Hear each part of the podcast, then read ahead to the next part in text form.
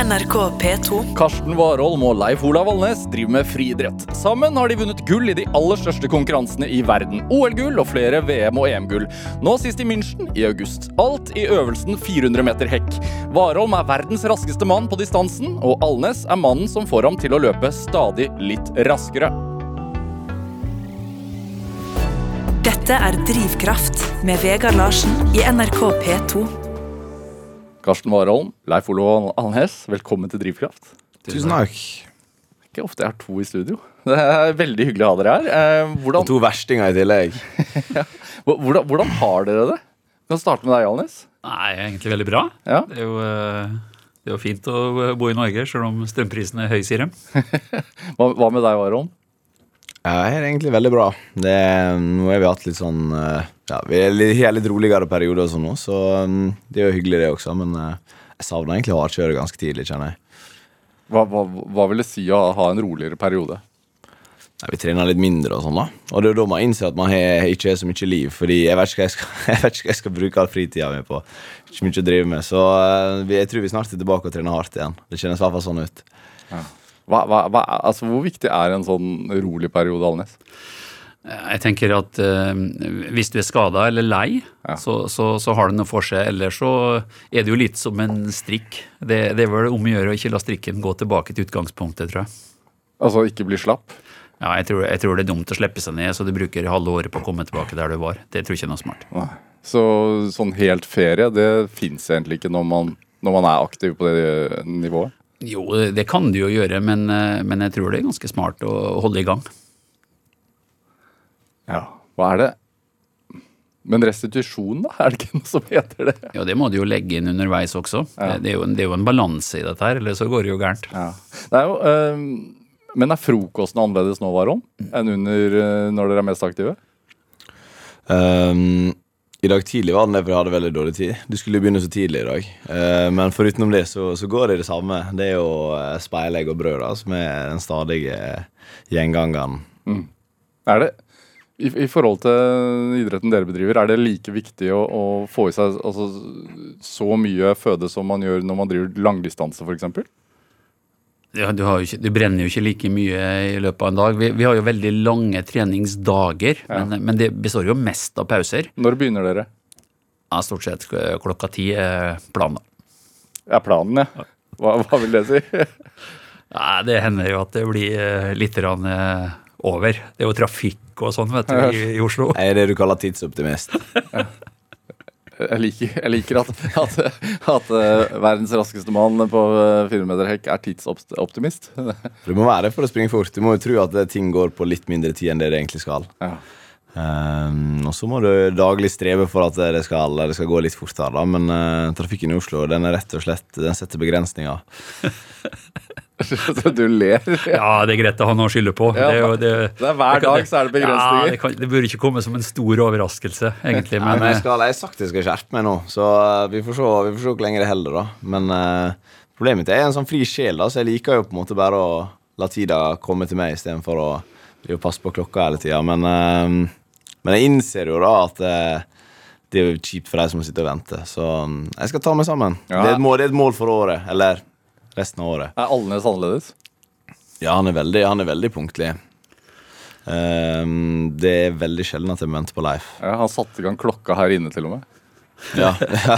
Nei, men, men, det men, men, det, må- det, men det må jo sies det at eh, Karsten går jo aldri hjem før jobben er gjort. Nei. Så at jeg, jeg har eh, veldig lite problemer med at han, eh, han eh, står, står i trafikken eh, noen minutter på morgenen. Ja, hva vil det si at jobben er gjort på en helt vanlig øh, arbeidsdag? Eh, for drikker du melk? Øh, nei. Nei, gjør ikke det? Nei. Øl, da? Ja. Når slutter du å helle, da? Når jeg slutter å helle Når slutter du å helle oppi glasset? Nei, det er når det er fullt, da. Nettopp. Og, og det, sånn er det med trening òg. Når, når kroppen ikke kan ta imot mer, da, da bør du ville. Ja. Hver dag. Ja, det er ikke noen grunn til å, til å overtrene. Du må trene det du tåler, og så må du passe på at eh, du er restituert til neste gang. Eller så, eller så blir resultatet dårligere hver dag, og da er det litt dumt. Hvordan vet man hvor mye man tåler, Karsten?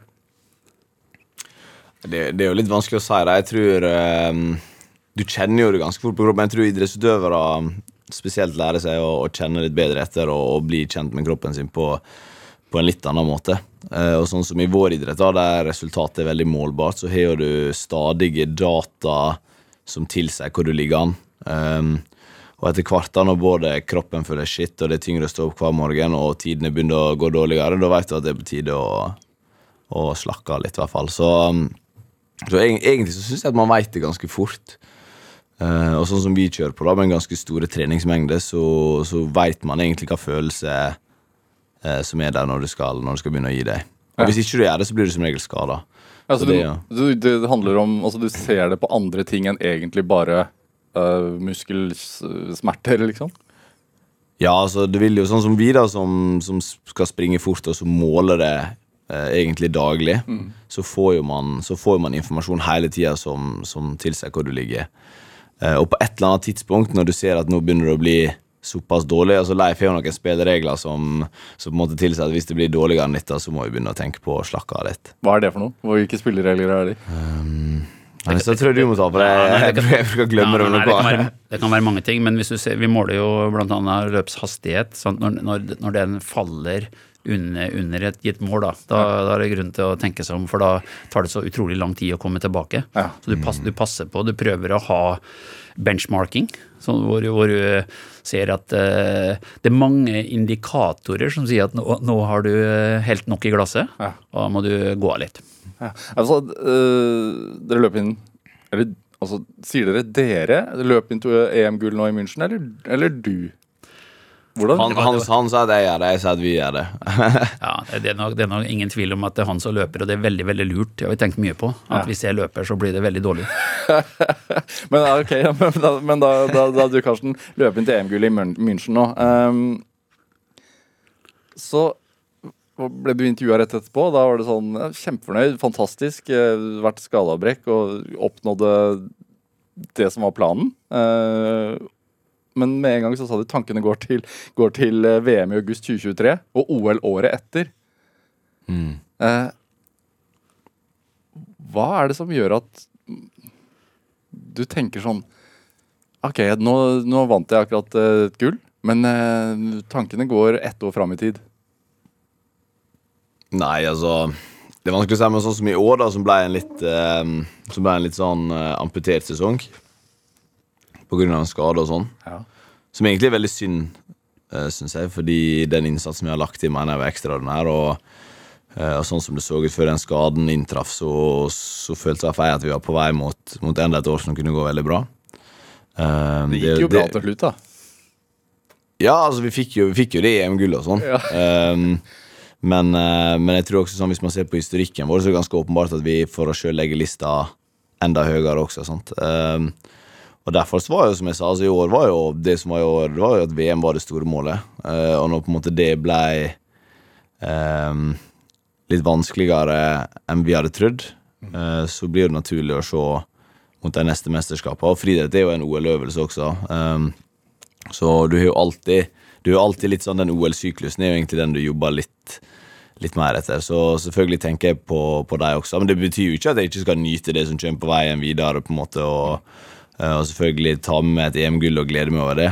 Um, men jeg tror samtidig dette er litt av motivasjonen også, da, at du stadig jakter nye ting. Istedenfor at når jeg har vunnet noe, så må jeg liksom føle at jeg skal ta flere uker for å nyte det og cashe det inn. Altså, jeg har ikke lenger det behovet, på en måte. Jeg, jeg vil egentlig bare prøve å, å vinne det neste, for det er det som gir meg den virkelig gode følelsen. Da. Hvor kommer den holdningen fra?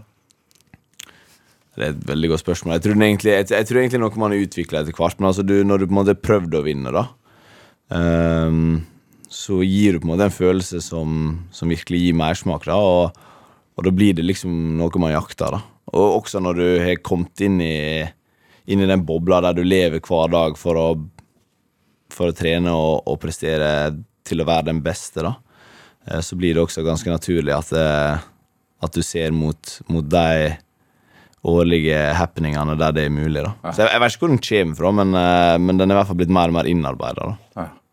Er det, hva er viktigst å tenke på når man har Fordi det er jo langsiktige mål. Ja. Hva er viktigst å tenke på da?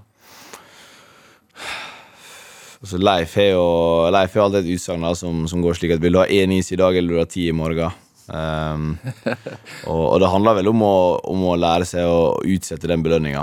Uh, men samtidig tror jeg det er viktig også at du da finner glede i, hver dag, hvis du skal kunne klare å ha den holdninga over flere år. Um, og jeg var heldig sånn sett, for jeg på en måte har en del medaljer og meritter å, å lene meg tilbake på som, som, på en måte gir en viss form for trygghet og, og sjøltillit i forhold til at dette kan jeg, dette vet vi hva vi skal gjøre. Mm.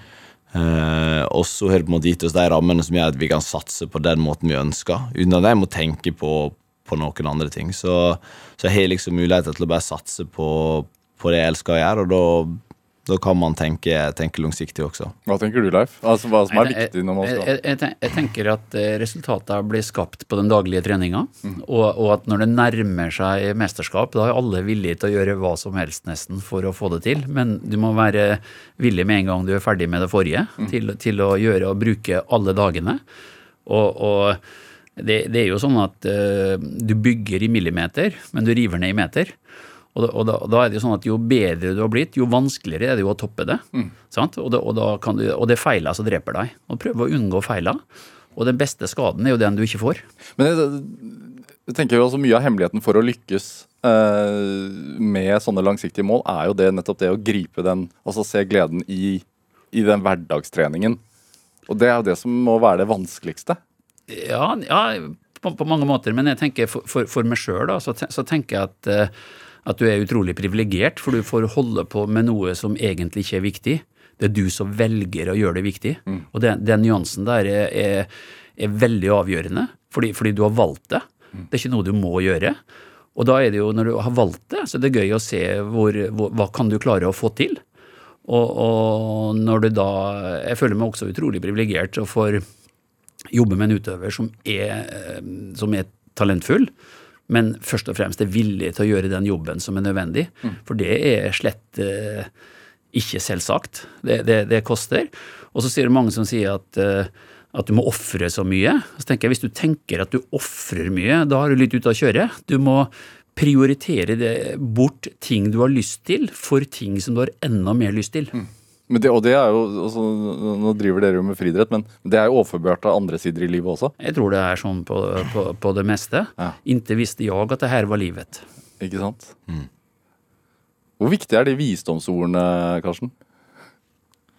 For meg er det jo veldig viktig. Det, jo, det, var jo litt sånn jeg tror connectionen mellom meg og Leif eh, skjedde også. At vi begge er, er, er ganske filosofiske og litt sånn eh, hva jeg si, Vi sliter med at vi, vi, tenker veldig mye, så sånn sett så har vi liksom litt sånn eh, felles grunn der, da, at vi alltid kan, kan diskutere og, og, og, motivere hverandre. Sånn. Og Leif Olav er jo, er jo, en sitatmaskin, i mye større grad enn meg.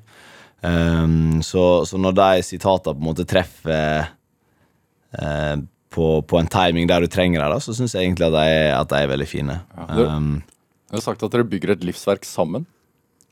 Ja, det føler jeg absolutt at vi er. Um, og jeg har jo alltid sagt det at uh, uten kompetansen til Leif så hadde dette her vært umulig. Uh, så, så, det er jo et lagarbeid, helt åpenbart. Mm. Hva tenker du? Ja, jeg, jeg tenker at uh, egentlig så er jeg veldig glad i disse uttrykka. Og, og, mange som sier at det er floskler. Og det, det er det jo helt til du gjør det. Da er det ikke floskler lenger. Dette er Drivkraft med Vegard Larsen i NRK P2. Og i dag er Karsten Warholm og Leif Olav Alnes her hos meg i Drivkraft på NRK P2. Det er det samarbeidet. Ta meg tilbake. Karsten, hus, altså, det husker du kanskje, selvfølgelig. Men første gang du traff Leif, mm. når var det? Uh, første gang vi møttes, var vel på en eller annen middag på, på um, ja, Hva var det, da? Det var et eller annet med, med landslaget, i hvert fall. Uh, det var før vi trente sammen. Um, og da satt vi og Vi satt egentlig bare og snakka veldig mye. Vi var på bord sammen. Og, uh, og så fortalte han meg at han var, at han var sunnmøring. Ja. Uh, og det, var, det traff jo selvfølgelig meg rett i hjertet. Og så skulle jeg drive og tippe hvor han var fra. Han sa han var, på, var fra ei øy på G. Og jeg satt der i flere timer, og jeg, jeg hadde alle øyene fra Bergen til Trondheim som starta på G.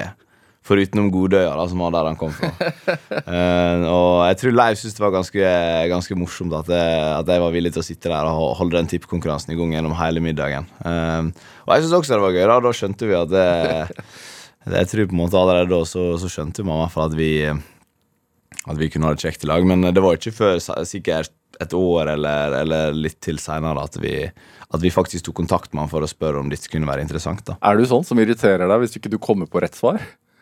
Så du kan sitte og bruke en hel middag på det? Ja, I hvert fall der. da altså, jeg, jeg trodde jeg kunne lokalgeografien min, så jeg var litt skuffa over meg sjøl når, når det tok så lang tid. Men, eh, men ja, det kan absolutt irritere meg.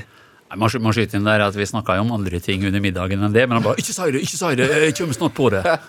Så det var, det var, det, det var, det var jeg tenkte jeg at eh, ok, fyren har stamina, altså. Jeg er han villig til å kjøre lenge. Han gir seg ikke lett, og det tenkte jeg det er en kvalitet. Men du, Olav, du, ble, du ble ringt opp av mora til Karsten? Eh, nei, jeg ble ringt opp av Ståle Jan Frøynes, som var vikar i Friidrettsforbundet, for i mora til Karsten hadde snakka med han. Ja. Og så sier han til meg at eh, skal, hvis du skal høre på meg én gang i livet, så er det nå. Her ser jeg at det kan bli en voldsom connection. Eh, det, her, det her må du tenke litt på. Hvorfor trodde han det, tror du? Hvorfor han trodde det? Ja. Nei, Kanskje for han kjente begge to. Eh, og så sa jeg til henne at ok, jeg skal, jeg skal dra og møte eh, familien, og så, og så se. Så Hvor var du i livet da? Nei, da var jeg sånn semipensjonert, semi- skulle jeg si. Jeg har et hus på Møre som jeg hadde tenkt jeg skulle dykke og fiske litt og gjøre sånne guttegreier før gåstolen tar meg. Men, eh, men eh, Det høres jo ut som en sånn Hollywood-film. Altså sånn, ja, ja, men, det, men resultatet er jo sånn at at det hadde vært en flott film, men veldig urealistisk. ja. Men, men altså, så, men hvor reiste du da opp til Ulsteinsvik, eller hvor? hvor? Vi, vi dro opp til Ørsta da, og satt på Ivar Aasen-hotellet, og det var den dagen i året hvor ingen busser gikk i Oslo, alt var nedsnødd. Og det var ganske krevende å komme seg til Gardermoen, fire timer, ti, eh, fire timer forsinka. Flyet landa i Ørsta fem minutter før flyet vårt skulle gå tilbake, så det blei overnatting. Og det blei ei sein natt, og, og veldig, veldig interessante samtaler. Hva snakka dere om? Alt mulig. Ja, Da tror jeg vi var gjennom hele, hele registeret. Men, men det, er veldig, det er veldig kult å tenke tilbake på, fordi man må jo huske at i det øyeblikket vi satt der, så var det ingen som, som skjønte egentlig hvor dette kunne bære hen. Og det handla egentlig bare om at, om at jeg trengte en trener, og på, det, og, og på det tidspunkt så var jeg bare en god juniorutøver. Det var jo, altså Selvfølgelig var det et potensial, og sånn, men, eh, men Leif Olav mer enn noen veit jo hvor lang vei det er helt opp til toppen. Og hvor krevende det er, og hvor, og hvor lite lukrativt det kan være da, hvis ikke du lykkes. Ja. Hva visste du om Leif før dere møttes, da? Eh, faktisk ikke så mye. Eh, jeg hadde blitt fortalt litt av eh, ja, han, han Ståle der, da, i forhold til hvem han hadde trent før, og, og litt hvordan filosofien til Leif var. Og jeg husker også Det var vel etter det møtet vi hadde, så fikk jeg se noen notatbøker fra når Leif Olav trente Geir Moen eh, tilbake på 90-tallet. Og, hvor, og hvordan han førte alle treningene, da. eh, Og hvor systematisk eh, det så ut da. Og det appellerer til meg, fordi jeg er jo veldig fascinert av personer som er helt stikk motsatt av meg sjøl. Altså, jeg er jo så lite systematisk og har så lite orden som du kan få det. Og jeg skjønte jo at jeg trenger jo akkurat det han kan bidra med der. Altså noen som er villig til å sette mitt kaos i system. For jeg har jo, jeg har jo for å bruke et ord som passer denne podcasten, altså jeg har jo drivkraften og jeg har jo motivasjonen til å gjøre alt det som skal til. Jeg bare har ikke verken roa eller kompetansen til å sette det inn i et fungerende system. Og når jeg så den boka, så tenkte jeg at liksom Det her kan bli veldig bra. Og jeg tror han også Jeg tror jeg skjønte veldig fort også at Leif forstår hvilken persontype jeg er, og er villig til å på en måte eh, Hva skal jeg si Se litt mellom øynene på svakhetene mine, som egentlig er ganske viktig. For jeg, jeg, jeg har jo vokst opp med å alltid bli forklart i klasserommet at man må komme tidsnok, og du må slutte å snakke så mye og forstyrre andre. Altså, skjønner du, det, jo- det sånn jeg opp, Jeg skjønte jo at Leif forstår at jeg er den typen, og, og at han skjønte å gi meg den slekken som, som jeg trenger for å ikke bli helt sånn rebelsk. da. Det var litt morsomt, da, for han, han eh, foreslo at vi kunne trene to ganger i uka. Og så sa jeg det, det kan du bare glemme. Da må du, da må du finne en annen trener. For eh, den, den jobben som skal gjøres her, hvis du skal få til noe, den er en helt annen type enn to ganger i uka.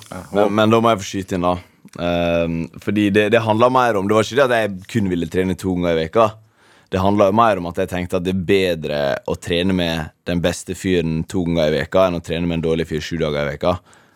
Og det var egentlig det som var Det var egentlig det som var tanken bak det. At jeg, at jeg ville ha den beste til å gjøre det, og så måtte jeg selge inn på en eller annen måte. da, så Hvis han var litt lite motivert, så tenkte jeg ja, du kan få komme to ganger i veka da, og så Du solgte deg litt lavt. Jeg tenker at det, at det er en fin approach, egentlig. Jeg, jeg står for den den dag i dag. Eh, og så Det handla egentlig mest om at i begynnelsen så, så hadde jeg veldig lyst til å overtale han til å gjøre det, for jeg skjønte at det kunne bli eh, en fin match. Eh, Leif Olav, jeg skjønner at det ikke var talentet som, som skulle avgjøre om du ville gjøre dette her eller ei. Fordi talentet så du jo allerede. Det, du kunne jo bare lese hvilke meritter han hadde som junior. Hva var, det som, hva var du på utkikk etter da du var på det intervjuet? Nei, det, jeg, jeg, jeg veit jo hvor mye tid som kreves, og så tenker jeg at uh, hvis, hvis du skal være i rom med noen som har eh, kjempestort hode, så, så, så blir det veldig krevende. Hva vil det si? Kjempestort hode. nei, ja, liksom at du er så full av deg sjøl at, eh, at eh, jeg er så stort at det er ikke noen plass til noe vi. Ja. Eh, Det er, det er krevende, og det, det er jeg for gammel til. Eh, Men det tok bare noen minutter før jeg skjønte at det her kan bli veldig interessant. Hva, var, det- hva, var det? Nei, jeg bare sensa det veldig fort. Jeg huska jo samtalen også ved middagen. Så jeg hadde jo, hadde jo litt bakgrunn her. Ja. Og, og jeg skjønte på, eh, på spørsmåla også at eh, det her det her eh, tror jeg vi kan, eh, kan bli bra, men jeg, men jeg sa jo ingenting om det. Vi bare kjørte samtalen. Og så overlot det til de å se om dette her var noe interessant. Men jeg kjente at ja, det her har jeg faktisk lyst til å gjøre. Men i stedet for å overselge det, så, så bare kjør igjennom, og så må det være to parter i, i en sånn sak. Så det å, å prøve å snakke seg inn, det tror jeg ikke var noe lurt. Hva var det første du tenkte du måtte ta tak i? da? Uh, nei, jeg tenkte bare å komme i gang med trening. Vi, vi, det, det her var jo, det var jo en stund før han, eh, han flytta til Oslo. og da, da prøvde jeg å gå gjennom og se hva han hadde gjort uh, så langt, for å, for å ta utgangspunkt i der du var. Og, og, og ta det derfra, i stedet for å kaste alt på båten. Han var tross alt eh, ganske god, så det er lurt å ta utgangspunkt i hvor du er. Og så, og så stiller du sikte, for når du skal finne en retning, så er det to punkt som er viktig. Det er der du er, og dit du har tenkt deg.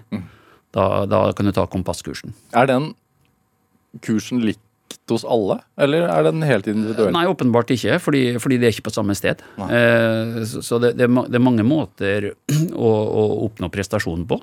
Og, og det handler jo om å få brukt primært til dine sterke sider, og så tette de største hulla. Ja. Men, men noe du er kjempedårlig på, og det er liten grunn til å tro at du skal bli best i verden på det. Så, så det er lurt å ta utgangspunkt i det du er bra på, og så prøve å få tette hulla der det, der det renner ut. Hva var han god på, da? Han øh, var god på veldig mye. Han, han var jo eh, en, en mangekjemper. Han var øh, verdensmester i åttekamp. Uh, han eh, hadde et dieselsteg, som vi sier, et, et, stort steg. Han var flink å løpe hekk med, med ene beinet foran. Han var flink å eh, hoppe alle typer hopp. Eh, relativt dårlig å kaste. Så jeg, jeg kom ganske raskt til at eh, hvis han eh, ville være med i Rio, så, så ville det være 400 meter hekk. ville være veldig bra, bra for han, for han var også flink å springe 400. Ja, Du så det? Ja, ja. Så, det, så hvis du kunne kombinere de tinga, så var veien frem eh, kortere enn i mannkamp. Ja, du sa før jeg gikk inn i studio her eh, at eh, det er bra han ikke driver med kollektiv ballsport. Sa jeg det? Sa du det? Du sa det til kollegaen min. Å ja, oh, ja, ja, du, tenker, du tenker i forhold til tidsoptimisme, tenker jeg. Ja, det var kanskje ja, det, ja. ja. Ja, ja. Nei, det er riktig, men da måtte du bare gitt den ei klokke som var stilt feil. Ja. Det hadde blitt store bidrag til botkassa, i hvert fall, hvis jeg Ja. spilte på et fotballag. Hva, eh, Karsten, hva skal til for at altså, Hva var grunnen til at du stolte på det han sa, da? Sånn, fordi du, du var jo mangekjempe. Det var jo det du holdt på med. I tillegg, da. Altså, hva var det som tenkte deg? Ok, jeg stoler på deg. Er, vi skal gå for den distansen. Jeg liker å tro, jeg liker å tro at jeg er en, en brukbar menneskekjenner. Um, og det fine med Leif Olav er jo at eh, han aldri kaster ut et utsagn uten at han har tenkt mye på det. Så det kommer med sine fordeler og ulemper. Og ulempen er jo at hvis vi skal ha Leif Olav til å ta en beslutning, så tar det veldig lang tid. Um, men du vet også at når han da først uh, lanserer forslaget sitt, så er det blitt grundig gjennomtenkt, og det er rotfesta i et eller annet som, som i hvert fall gir mening for han.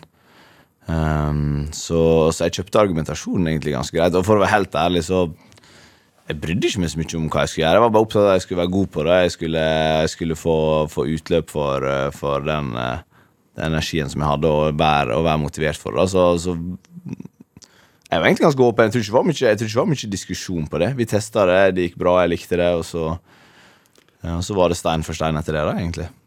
Dere er jo fra ganske lik plass. Mm. Hva, hvor mye har det hatt å si?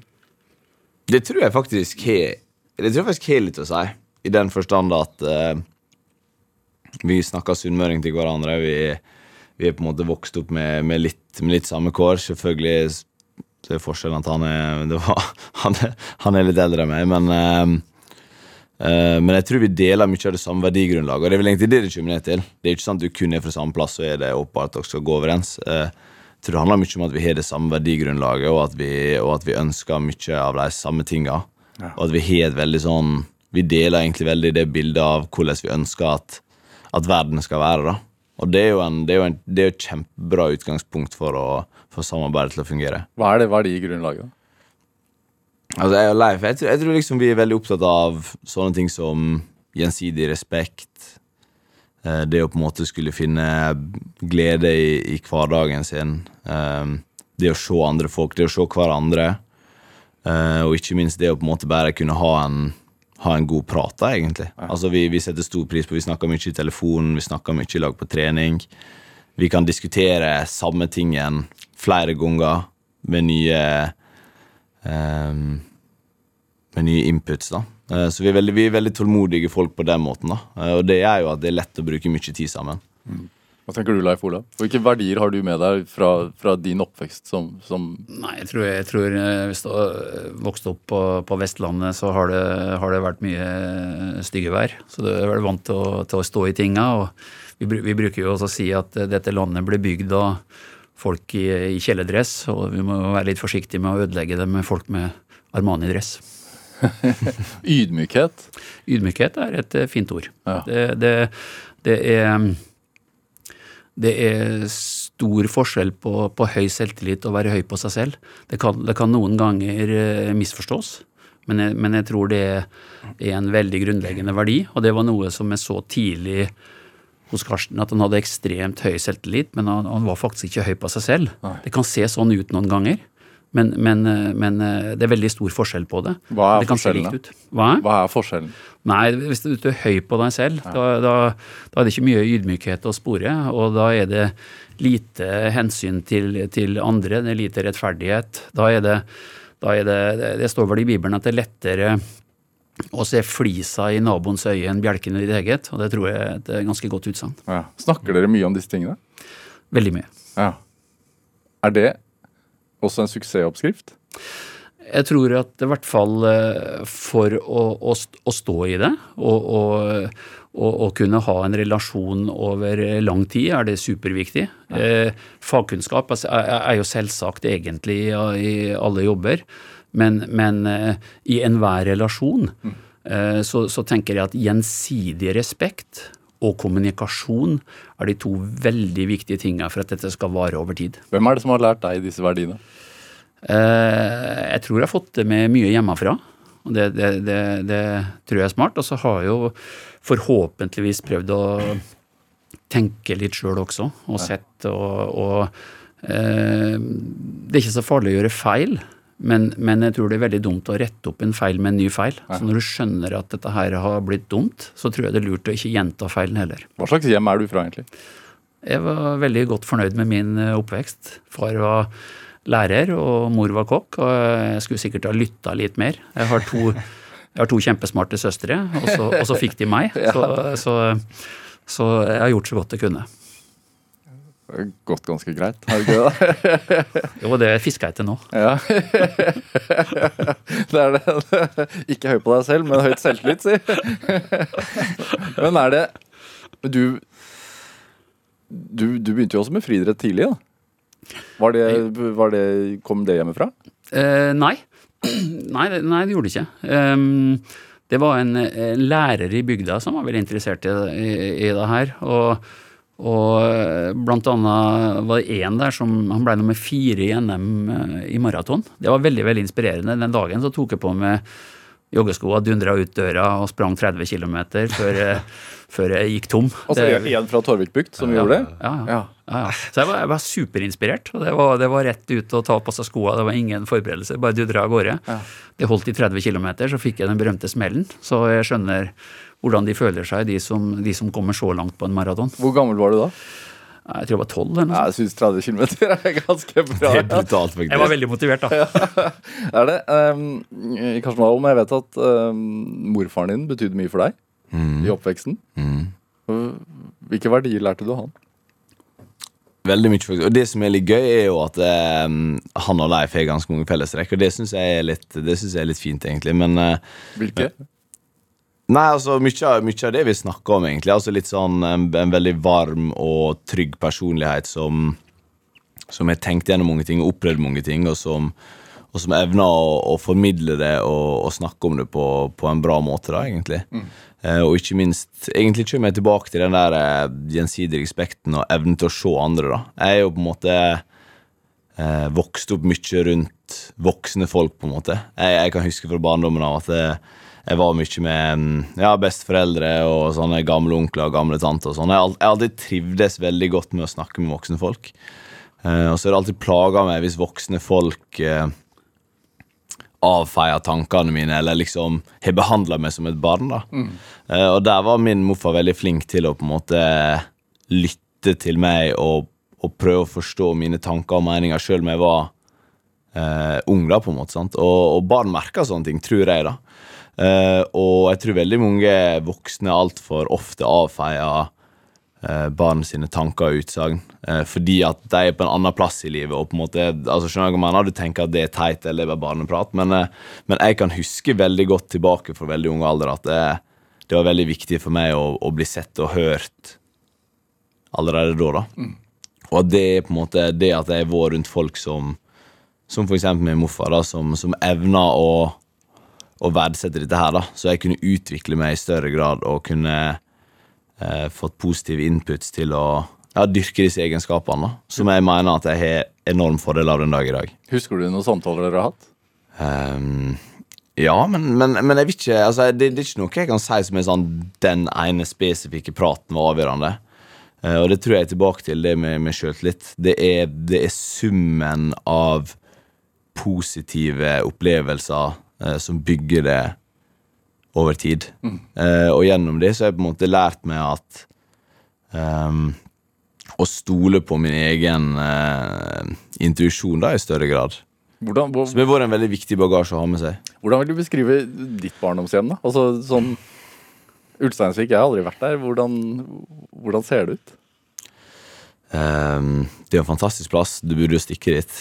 Um, det kan jeg anbefale, faktisk. Jeg tror du har likt det veldig godt. Um, altså, Ulsteinvik er, er jo en veldig liten by uh, på Vestlandet. Uh, men jeg er jo vokst opp, altså Hva skal jeg si Det er ikke noe spesielt kul historie. Det er jo ikke noe sånn gangsterkår, for å si det sånn. Jeg vokste opp med uh, i et fint hus med fin utsikt, og mine foreldre har hatt eh, stabile jobber og kunne kjørt meg til trening når jeg trenger det. Selv om jeg aldri, jeg ble egentlig aldri kjørt til trening. Jeg sykla egentlig alltid til trening, men jeg har på en måte hatt den tryggheten i oppveksten. da, At, det, at på en måte det var aldri noe problem at jeg ja, sykla til trening, gikk til trening, eh, for og hang med venner. Eh, veldig veldig trygge omgivelser og, og mye boltreplass, da, egentlig. Hvor er Så du i søskenflokken? Jeg er eldst. Ja. Eh, og jeg var, jeg var enebarn til jeg var seks-sju år. Og mm, det nøt jeg veldig godt av. Eh, og når jeg, fikk, når jeg fikk søsken, så det var smellen, husker jeg. Men i ettertid så er jo det egentlig vært hyggelig, det også. Eh, så, så jeg er eldst, ja. Mine foreldre fikk meg ganske tidlig. Men eh, ja. Moren din er manager fremdeles. Mm, Hvor, stemmer. hvor viktig er familie? Jeg syns familie er veldig viktig. Eh, og det var jo faktisk Leif Olav som foreslo at vi skulle bruke mamma som manager. I begynnelsen så var jo det selvfølgelig ikke en heltidsjobb. Eh, det var jo bare egentlig å ta seg av veldig, veldig enkle oppgaver praktisk rundt oss, da. Eh, men nå har det blitt en 200% stilling som hun, som hun gjør på egen hånd. Eh, og det som er så veldig fint med det, da, eh, det er jo at familie som regel alltid ønsker dine beste interesser. Eh, og setter dine behov først, og ikke minst kjenne deg. Eh, og jeg tror jeg skulle slitt med å finne en kommersiell manager som ønsker å komme hjem til meg og vaske tøyet mitt når jeg var på besøk og sånn. Eh, og, og gjøre alle disse tingene der også, eh, og ta seg av meg på den måten. Og det tror jeg kanskje er det viktigste for meg, eh, å føle at jeg, at jeg blir sett som menneske, og ikke bare blir brukt som et kommersielt produkt. da. Um, og jeg husker egentlig det var ganske Jeg husker ikke, jeg tror kanskje det var du, Leif, som sa det. Uh, um, og det var veldig bra sagt. Det, der er veldig mye i den agentvirksomheten. Det er jo selvfølgelig kanskje litt brannfakkel, men der er veldig mye der som uh, Som er helt på trynet. Altså, vi legger inn en innsats hver dag, uendelig med timer, og vi legger liksom livet vårt i dette her. Um, og for noen til å bare skulle ta opp en telefon, ordne noen praktiske greier og ta 15-20 for det. Eh, det blir feil, og det, det, er jeg faktisk helt enig i. Selvfølgelig, hvis jeg kan forsvare den verdien, syns jeg det er helt innafor, men, eh, men, jeg vil heller ha noen rundt meg som, som skaper trygge rammer, og som ikke presser meg til å gjøre noe jeg ikke har lyst til for penger, eller hva det måtte være. Mm. Kunne, kunne, det, hvis ikke du hadde hatt den stabile plattformen, mm.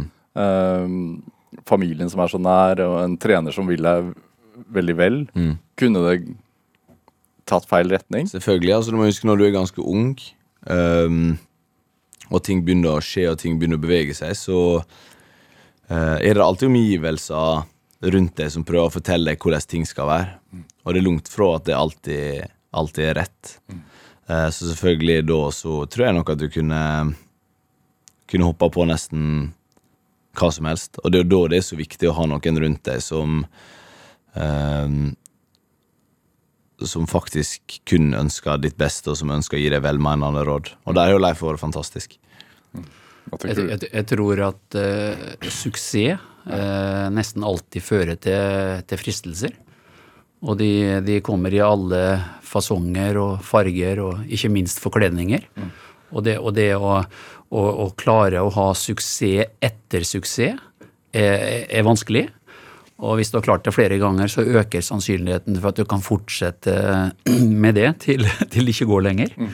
Eh, for det, det, er, det, er, jo sånn at eh, alt, alt, som, alt, som, du oppnår, som er veldig fristende for andre, det, det er eh, ja, da dukker det opp mye fristelser. Ja, Du har en lang mm. fartstid som trener, også før, før Karsten var om. Har du sett, sett eksempler på, på jeg tror, jeg tror, alle har sett det, enten de har vært eh, trener eller ikke. Det er jo eh, det er bare å se seg rundt. I, I, hverdagen så tipper jeg man klarer å identifisere det ganske greit. Ja. Er det, Ser dere på hverandre som familie? Absolutt. Men vi er jo, vi er jo bestevenner også, da, på en måte kanskje i enda større grad. Men, men eh, det, det, er en valgt relasjon. Mm. mm. Det, det, det, er nesten enda sterkere. Familien velger du faktisk ikke. Men, men eh, der du kan velge, er, er, er, veldig sterkt. Mm. For du har et valg. Må, må, må, dere velge hverandre ofte? På nytt? Nei, men, men, det, men, det, er jo sånn med, man, man, ser jo det i livet at, at, relasjoner har en tendens til å komme og gå. Ja. Eh, og at man blir lei og trøtt og, og sånn. Og, og um, Eh, det, det, det, har jo ikke skjedd ennå, men, men, fremtiden kjenner jo ingen. Eh, og derfor så Det er jo ikke noe grunn til å legge seg bakpå. Jeg tror at uh, man må investere i, i, alle relasjoner, egentlig. Mm. Hva, hva er, hva, som du ser det, hva er et godt team? Jeg tenker at da jeg håper å si sluttsummen på kassalappen blir bra. At man utfyller hverandre. Ja. Hvis det er hvis det er for like mennesker. Så, så det er jo gjerne sånn at, du, at du, du, kunne tenke deg at du definerte alle oppgaver som skal løses i teamet. Og så er det om å gjøre å besette de med folk som har de eh, kvalitetene. Mm. De fleste mennesker tror jeg har en anelse om hva de er gode til og hva de er dårlige til. Og da er det ikke så vanskelig. Det verste er når du er dårlig til noe, men har veldig lyst til å gjøre det. Da, da, da skal du stoppe folk fra, fra, å gjøre det. Det kan være noe mer krevende når de sjøl skjønner at ikke det, dette er ikke noe for dem. Hva er du dårlig på? Jeg er dårlig på det meste. Men, eh, men, eh, men eh, jeg gjør så godt jeg kan. Ja, jeg vet at du tidlig sa til Karsten at du, skal du være en ulv eller skal du være en sau? Ja, det, det, har, det, har, jo vært noen sånne uh, saker når det har nærma seg konkurranser, hvor, hvor, du prøver å, å ha en, en, en speech. Eh, det er jo sånn som vi sa i stad, at det var vesentlig bedre at han løper enn at jeg gjør det, men du prøver jo å få spenningsnivået der det er mest hensiktsmessig. hensiktsmessig. Og da prøver du gjerne å si noe, det kan jo gå gærent. Eh, Men du må jo heller prøve å, å, å, å bidra. Og da er det jo en del ting som, eh, som går igjen. Og jeg tror noe av den beste følelsen du kan ha når du, når du, når du går til start, er at du fortjener å gjøre det bra. Du har lagt inn den innsatsen som er nødvendig for å kunne levere.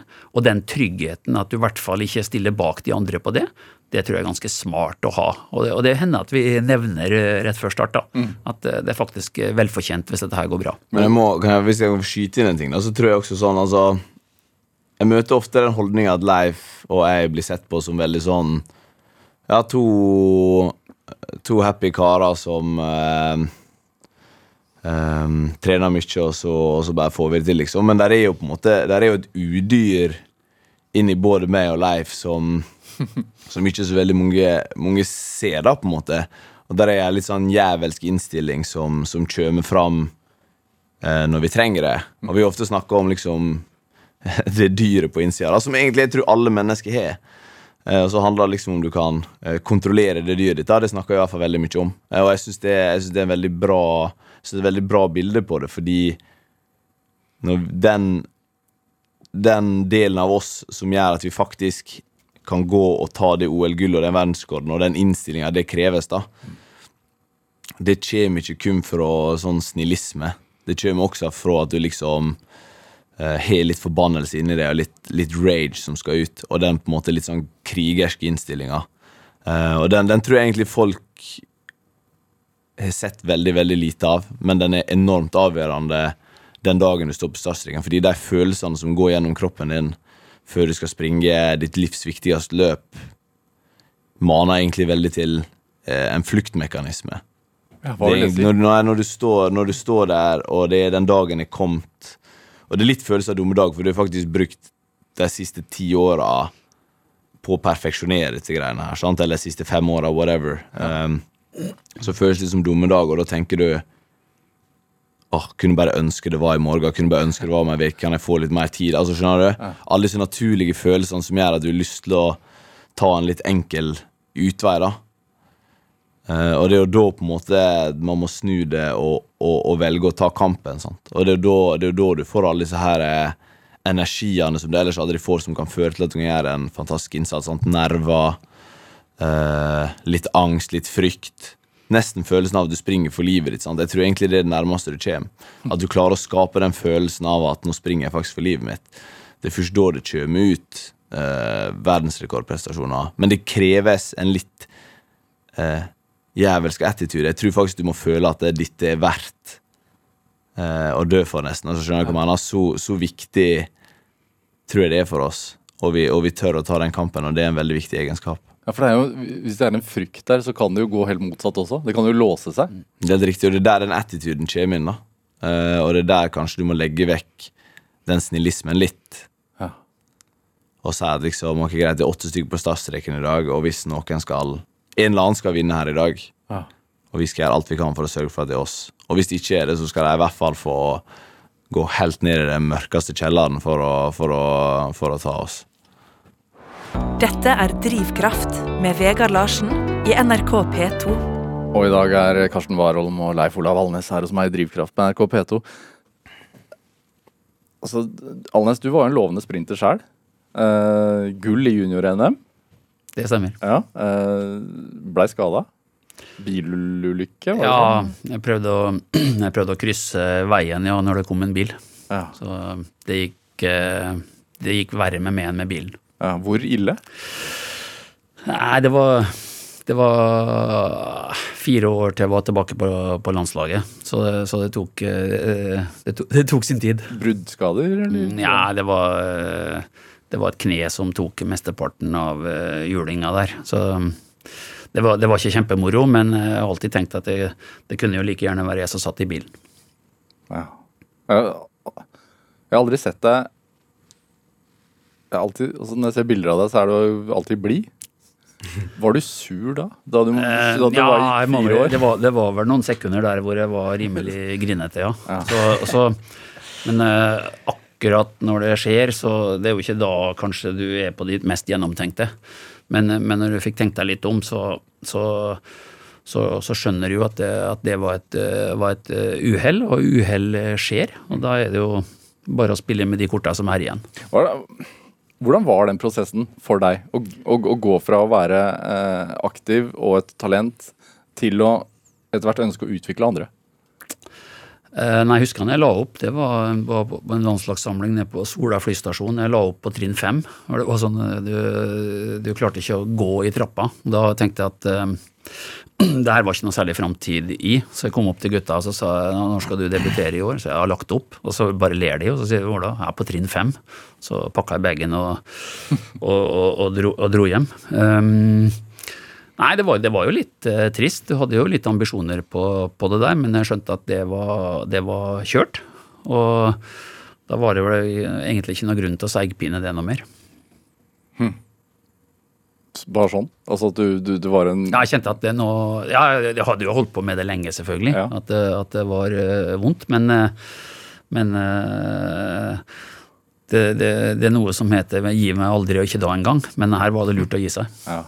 Hva, hva, hva får du igjen da, av at andre lykkes? Nei, så det er kjempegøy. Jeg føler meg ekstremt privilegert som får, får være med på, på det her. Og det, jeg tror det er veldig sjelden varer. Og det oppleves veldig givende. Er det Gir, den, det den samme gleden? Altså som, ved, ved, ved, som å vinne selv?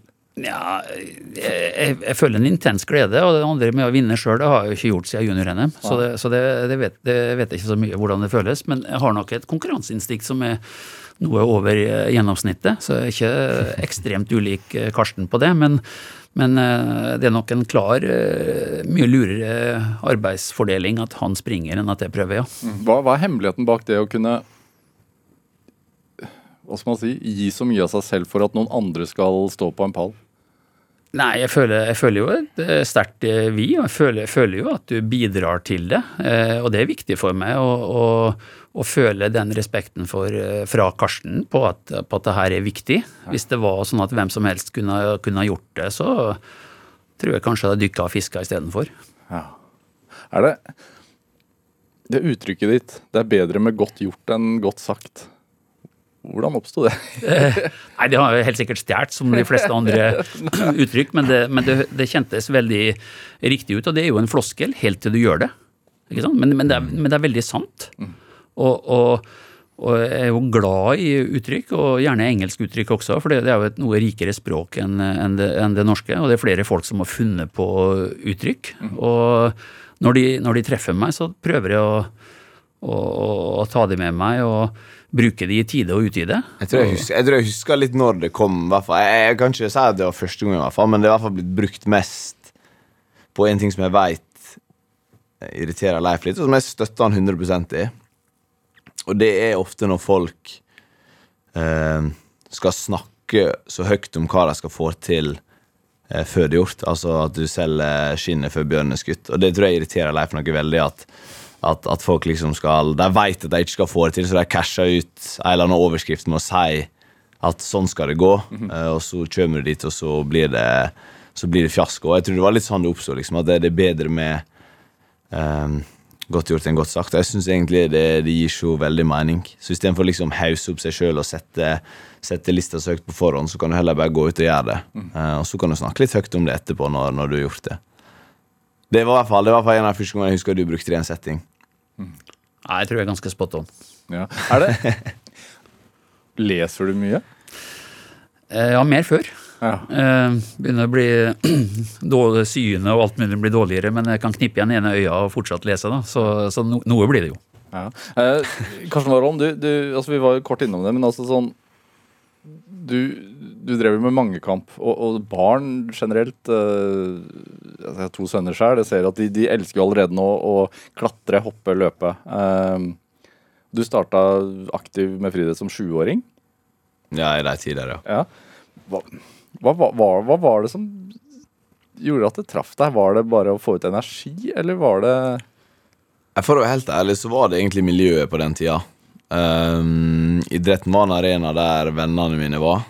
Uh, og jeg gikk egentlig først på fotball. Um, og så hadde jeg en kompis som var med på, på friidrettsgruppa.